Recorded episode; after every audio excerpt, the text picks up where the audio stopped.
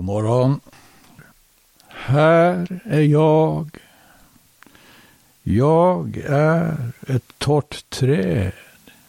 Jag är en död kropp. Är jag inte som Sardes?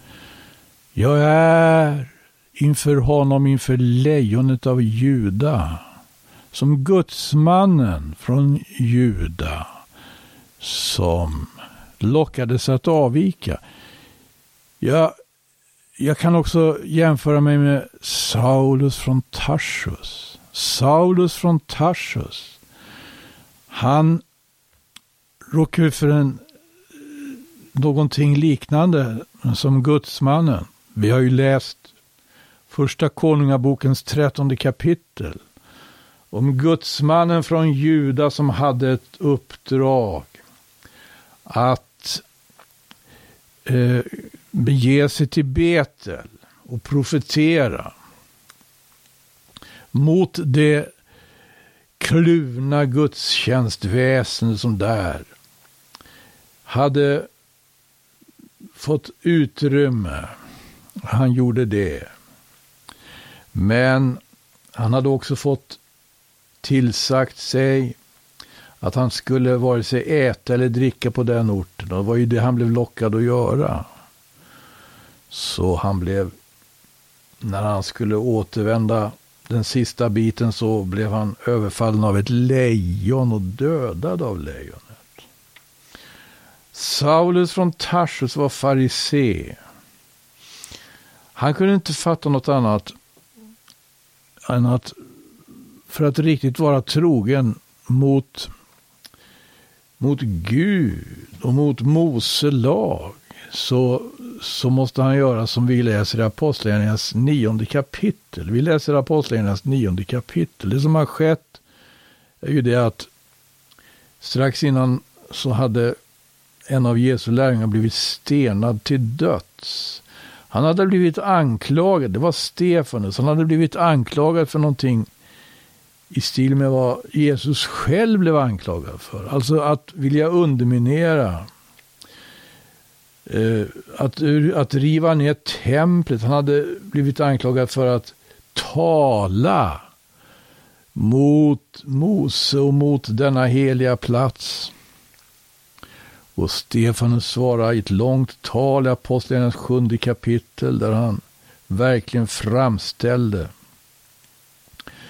hur, eh, som han sa, fäderna gång på gång genom historien hade vänt sig mot Guds vittnen, mot Josef, mot Mose och mot Herren Jesus själv. Och det här blev för mycket för Stora rådet och det som lyssnade på Stefanus och då stenades Stefanus. Och en av de som stod där då, det var Saulus, farisén Saulus. Och han blev så upprörd. Och vi läser här i nionde kapitlet i Apostlagärningarna. Det står Men Saulus, som allt jämt andades hot och mordlust mot Herrens lärjungar, gick till översteprästen och utbad sig av honom brev till synagogorna i Damaskus för att om han funnit några som var på den vägen, vare sig män eller kvinnor, han skulle kunna föra dem bundna till Jerusalem. Han, han nitälskade han kände någonting av detsamma då som gudsmannen från Juda en gång. Att uh, han skulle liksom, han skulle gå till rätta med det här som han upplevde då som ett förvänt gudstjänstväsende. Som Jesu lärjungar hade dragits in i.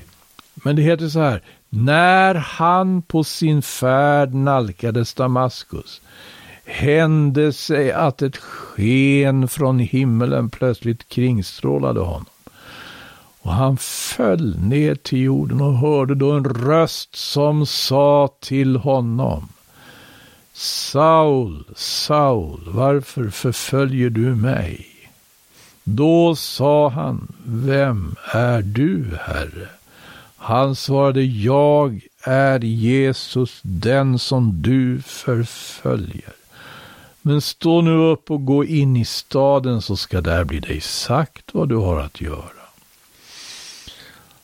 Denne Saulus, som full av nitälskan, faktiskt han andades hot och mordlust mot Herrens lärjungar.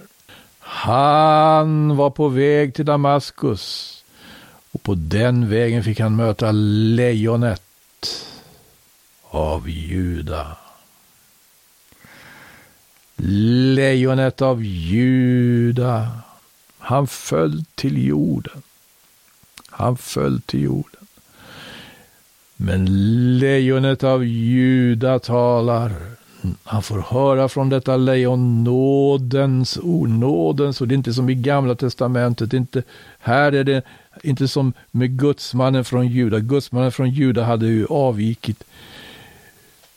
Men han hade varit verkligen ute på ett uppdrag som Gud hade gett honom. Men den här Saulus, han hade liksom i sin eh, fariseism kommit fram till att han, han kunde inte göra något bättre än att förfölja Jesu lärjungar. Och han utbad sig som sagt här brev. Han, han skulle till Damaskus förfölja. Ända in i utländska städer förföljde han Jesu lärjungar. Det, fick, det vittnar han om vid ett senare tillfälle i Apostlagärningarna. I Apostlagärningarnas 26 kapitel och 11 vers. Vi läser vidare från sjätte versen. Men stå nu upp, ja det har vi läst, men vi läser om det. Han får veta att han ska stå upp, gå in i staden. Så ska där bliva dig sagt vad du har att göra.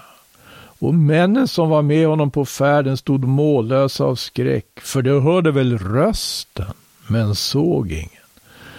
Och Saulus reste sig upp från jorden men när han öppnade sina ögon kunde han inte mer se något. Det tog honom därför vid handen och ledde honom in i Damaskus. Och under tre dagar såg han inget och han varken åt eller drack.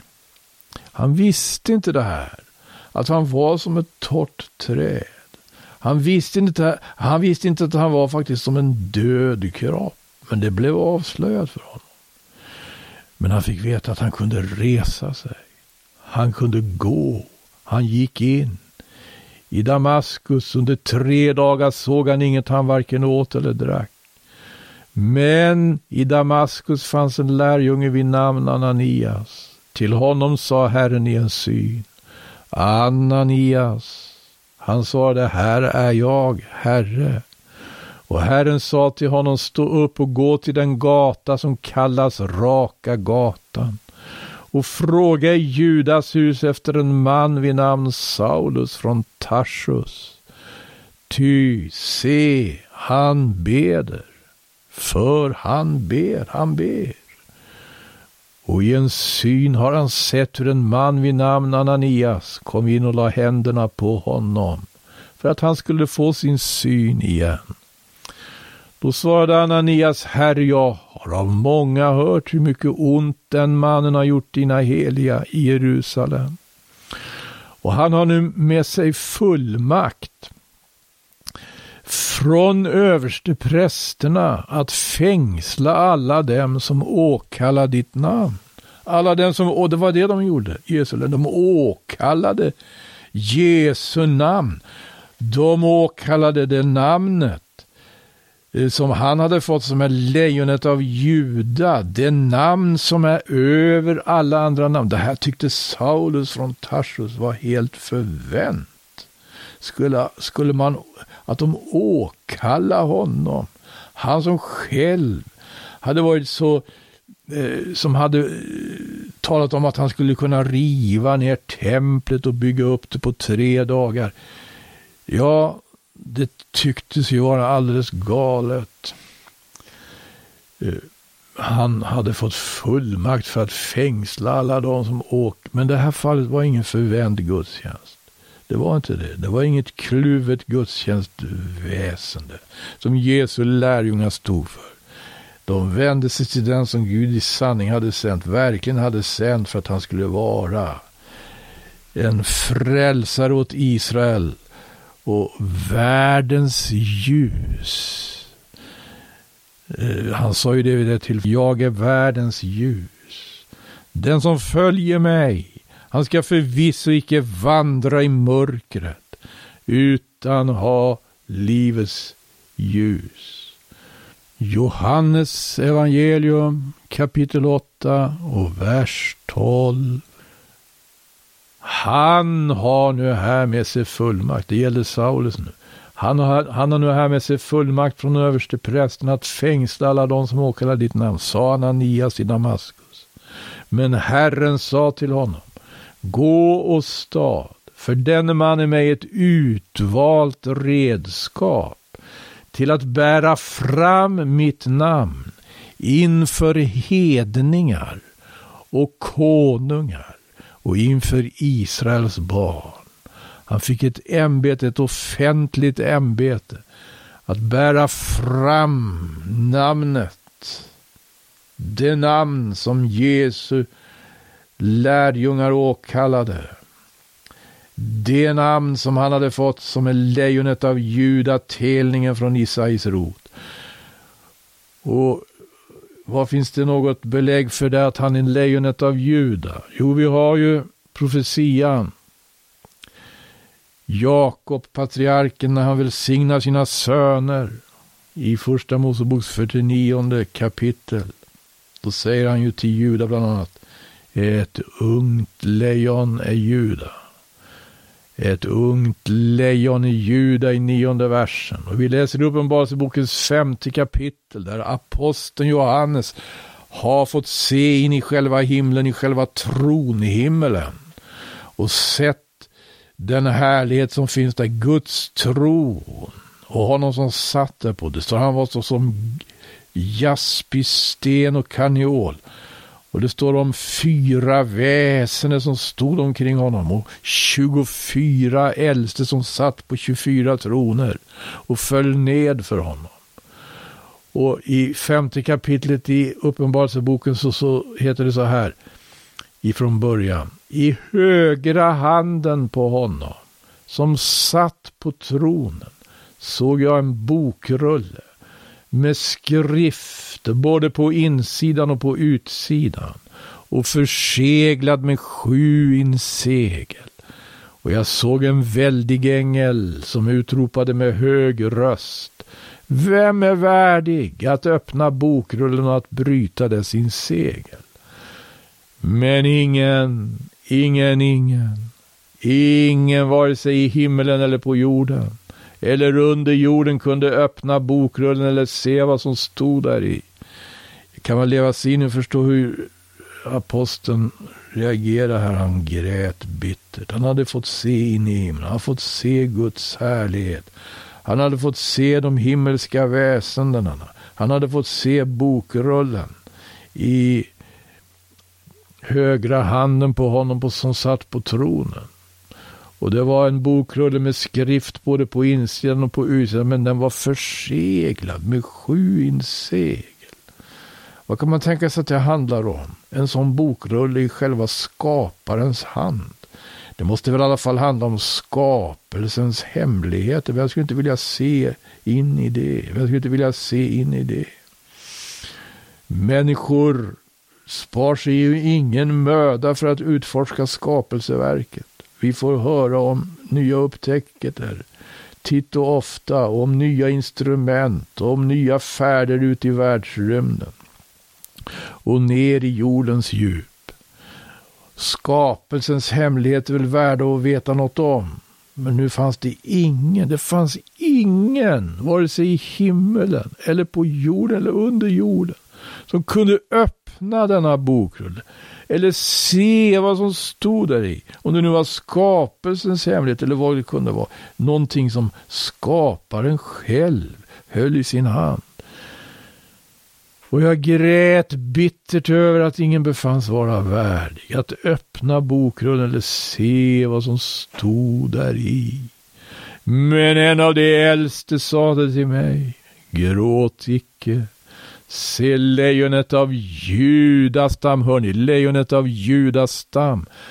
Telningen från Davids rot har vunnit seger, så att han kan öppna bokrullen och bryta dess sju insegel, sju insegel, sju insegel som bokrullen var förseglad med. Men ingen vare sig i himlen eller på jorden kunde det. Men lejonet av Juda, stamtelningen från Davids rot, skulle kunna det. Då, skriver aposteln, då fick jag se att mellan tro, mitt emellan tronen och de fyra väsendena och det äldste stod ett lamm som, så, så, som såg ut så som hade det varit slaktat. Det hade sju horn och sju ögon. Det är Guds sju andar, vilka är utsända över hela jorden. Och det är inte undra på att man faller, att somliga som har mött honom faller ner så som om vore de döda. Men Saulus fick höra nådens ord från detta lejon, detta judalejon. Här är ju helt förundligt hörni. Vad sa en av de äldste i femte versen här i Uppenbarelsebokens femte kapitel? Han sa, gråt icke, se lejonet av Judas stam, telningen från Davids rot har vunnit seger. Aposteln fick här höra om ett lejon. Men i sjätte versen fick han se ett lamm. Men när man får höra om ett lejon, då förväntar man sig få se ett lamm. Men han fick se ett lamm. Med sina öron hörde han om ett lejon, men med sina ögon såg han ett lamm som såg ut så som hade det varit slaktat. Men lammet hade en väldig makt och myndighet. Lammet hade sju horn. Det talar om makt. Och sju ögon, det talar om kunskap. Och det är Guds sju andar, vilka är utsända över hela jorden. Och det trädde fram, så det trädde fram och tog bokrullen ur högra handen på honom som satt på tronen. Och när han tog bokrullen föll de fyra väsendena. De fyra väsendena som var så mäktiga, så mäktiga stod de kring Guds tron. De föll ner för lammet och de 24 äldste, de 24 äldste som representerar sån värdighet, en sån enorm värdighet på sina troner, föll ner inför lammet och det hade var och en sin harpa och hade gyllene skålar fulla med rökelse, det är det heligas böner. Och det sjöng en ny sång som lydde så. Du är värdig att ta bokrullen och att bryta dess insegel. Ty du har blivit slaktad och med ditt blod har du åt Gud köpt människor av alla stammar och tungomål och folk och folkslag och gjort dem åt vår Gud till ett konungadöme och till präster och de ska regera på jorden. Vad har han gjort? Vad har han gjort, denne Jesus? Han som är lejonet av Juda, telningen från Davids rot. Lammet, han fick höra om ett, aposteln fick höra om ett lejon, men han fick se ett lamm. Men lammet hade något av lejonets utstrålning. Väldigt mäktig utstrålning. Det är Guds lamm, det är Guds lamm. Undrar på att det som möter honom faller så som vore de döda ner. Ja, gudsmannen från Juda föll faktiskt död inför lejonet av Juda. Saulus från Tarsus föll verkligen till marken. Men han fick höra nådens ord, nådens ord. Ja, ifrån Jesus, ifrån den som, när han fick frågan, när han ställde frågan, vem är du Herre? fråga, fråga Saulus. Då svarade den som hade visat sig för honom. Jag är Jesus. Jag är Jesus, den som du förföljer. Saulus var inte på väg från någon utländsk ort eh, inte ens från nära utlandet till, tillbaka till Jerusalem. Han var på väg från Jerusalem till Damaskus. Och han får möta lejonet av Juda. Vad har lejonet av Juda med Damaskus att göra? Jo, där finns, där fanns hans lärjungar. Där fanns lemmarna i hans kropp. Att förfölja lemmarna i hans kropp, det var detsamma som att förfölja honom själv. Den är Jesus. Eh, när han i Lukas evangelis 20 eh, kapitel går till rätta med de skriftlärda, med fariseerna. Och ger just den här liknelsen om hörnstenen. Då säger han något ganska intressant. Som också tycker jag talar om vad, vad just, eh, vad just eh, gudsmannen från Juda i Gamla Testamentet i Första Konungabokens trettonde kapitel. Och vad Saulus farisén i Nya Testamentet i Apostlarna fick uppleva. Han sa så här i Lukas 20 kapitel 17 vers. Han såg på dem, sina motståndare och så sa. Vad betyder då detta skriftens ord? Den sten som byggningsmännen förkastade, den har blivit en hörnsten. Var och en som faller på den stenen, han ska bli krossad. Men den som stenen faller på, honom ska den söndersmula. Det föll på stenen. För, här, här finns liksom den här hörnstenen. Det är också en bild på honom själv. En bild på Jesus. 1917 översättning förstår jag. 1917 års bibelöversättning är väldigt bra här. Man får, får verkligen fram. Antingen faller man på stenen. Ja. Man, ingen står egentligen när det kommer till kritan inför honom. Alla fall, antingen faller man på den eller så faller den på en. Det var inte långt ifrån att det var det Saulus upplevde. Han som jagar Jesu lärjungar. Faller man på stenen blir man krossad. Faller stenen på en, då blir man söndersmulad eller pulveriserad. Det är det är apostlarnas Jesus. Det är, det är honom det är värt att stanna inför. Här, var vi, här hade vi några som onekligen fick stanna inför honom. Det är honom det är värt att söka. Det är honom det är värt att söka. Sök Herren medan han låter sig finnas. Det om Juda lejon. Lejonet ja, och åsnan. Vänta lite nu. Var är åsnan? Har vi tappat bort åsnan? Var är åsnan någonstans? Åsnan är inte långt borta. Åsnan, vi finner honom i skriften. I, också i patriarken Jakobs välsignelse. Och åsnan spelar ju en väsentlig roll. Vet Herren behöver honom. Herren behöver honom. Juda lejon står det i första Moseboks 49 kapitel och vers 11. Han binder vid vinträdet sin åsna, vid ädla rankan sin åsninnas fåle. Han tvår sina kläder i vin, sin mantel vatten i druvors blod. Ja, det är vår underbara Herre Jesus. Tiden har gått, men det verkar finnas anledning att säga något mer om lejonet och åsnan. Vi får se. Tack för den här gången.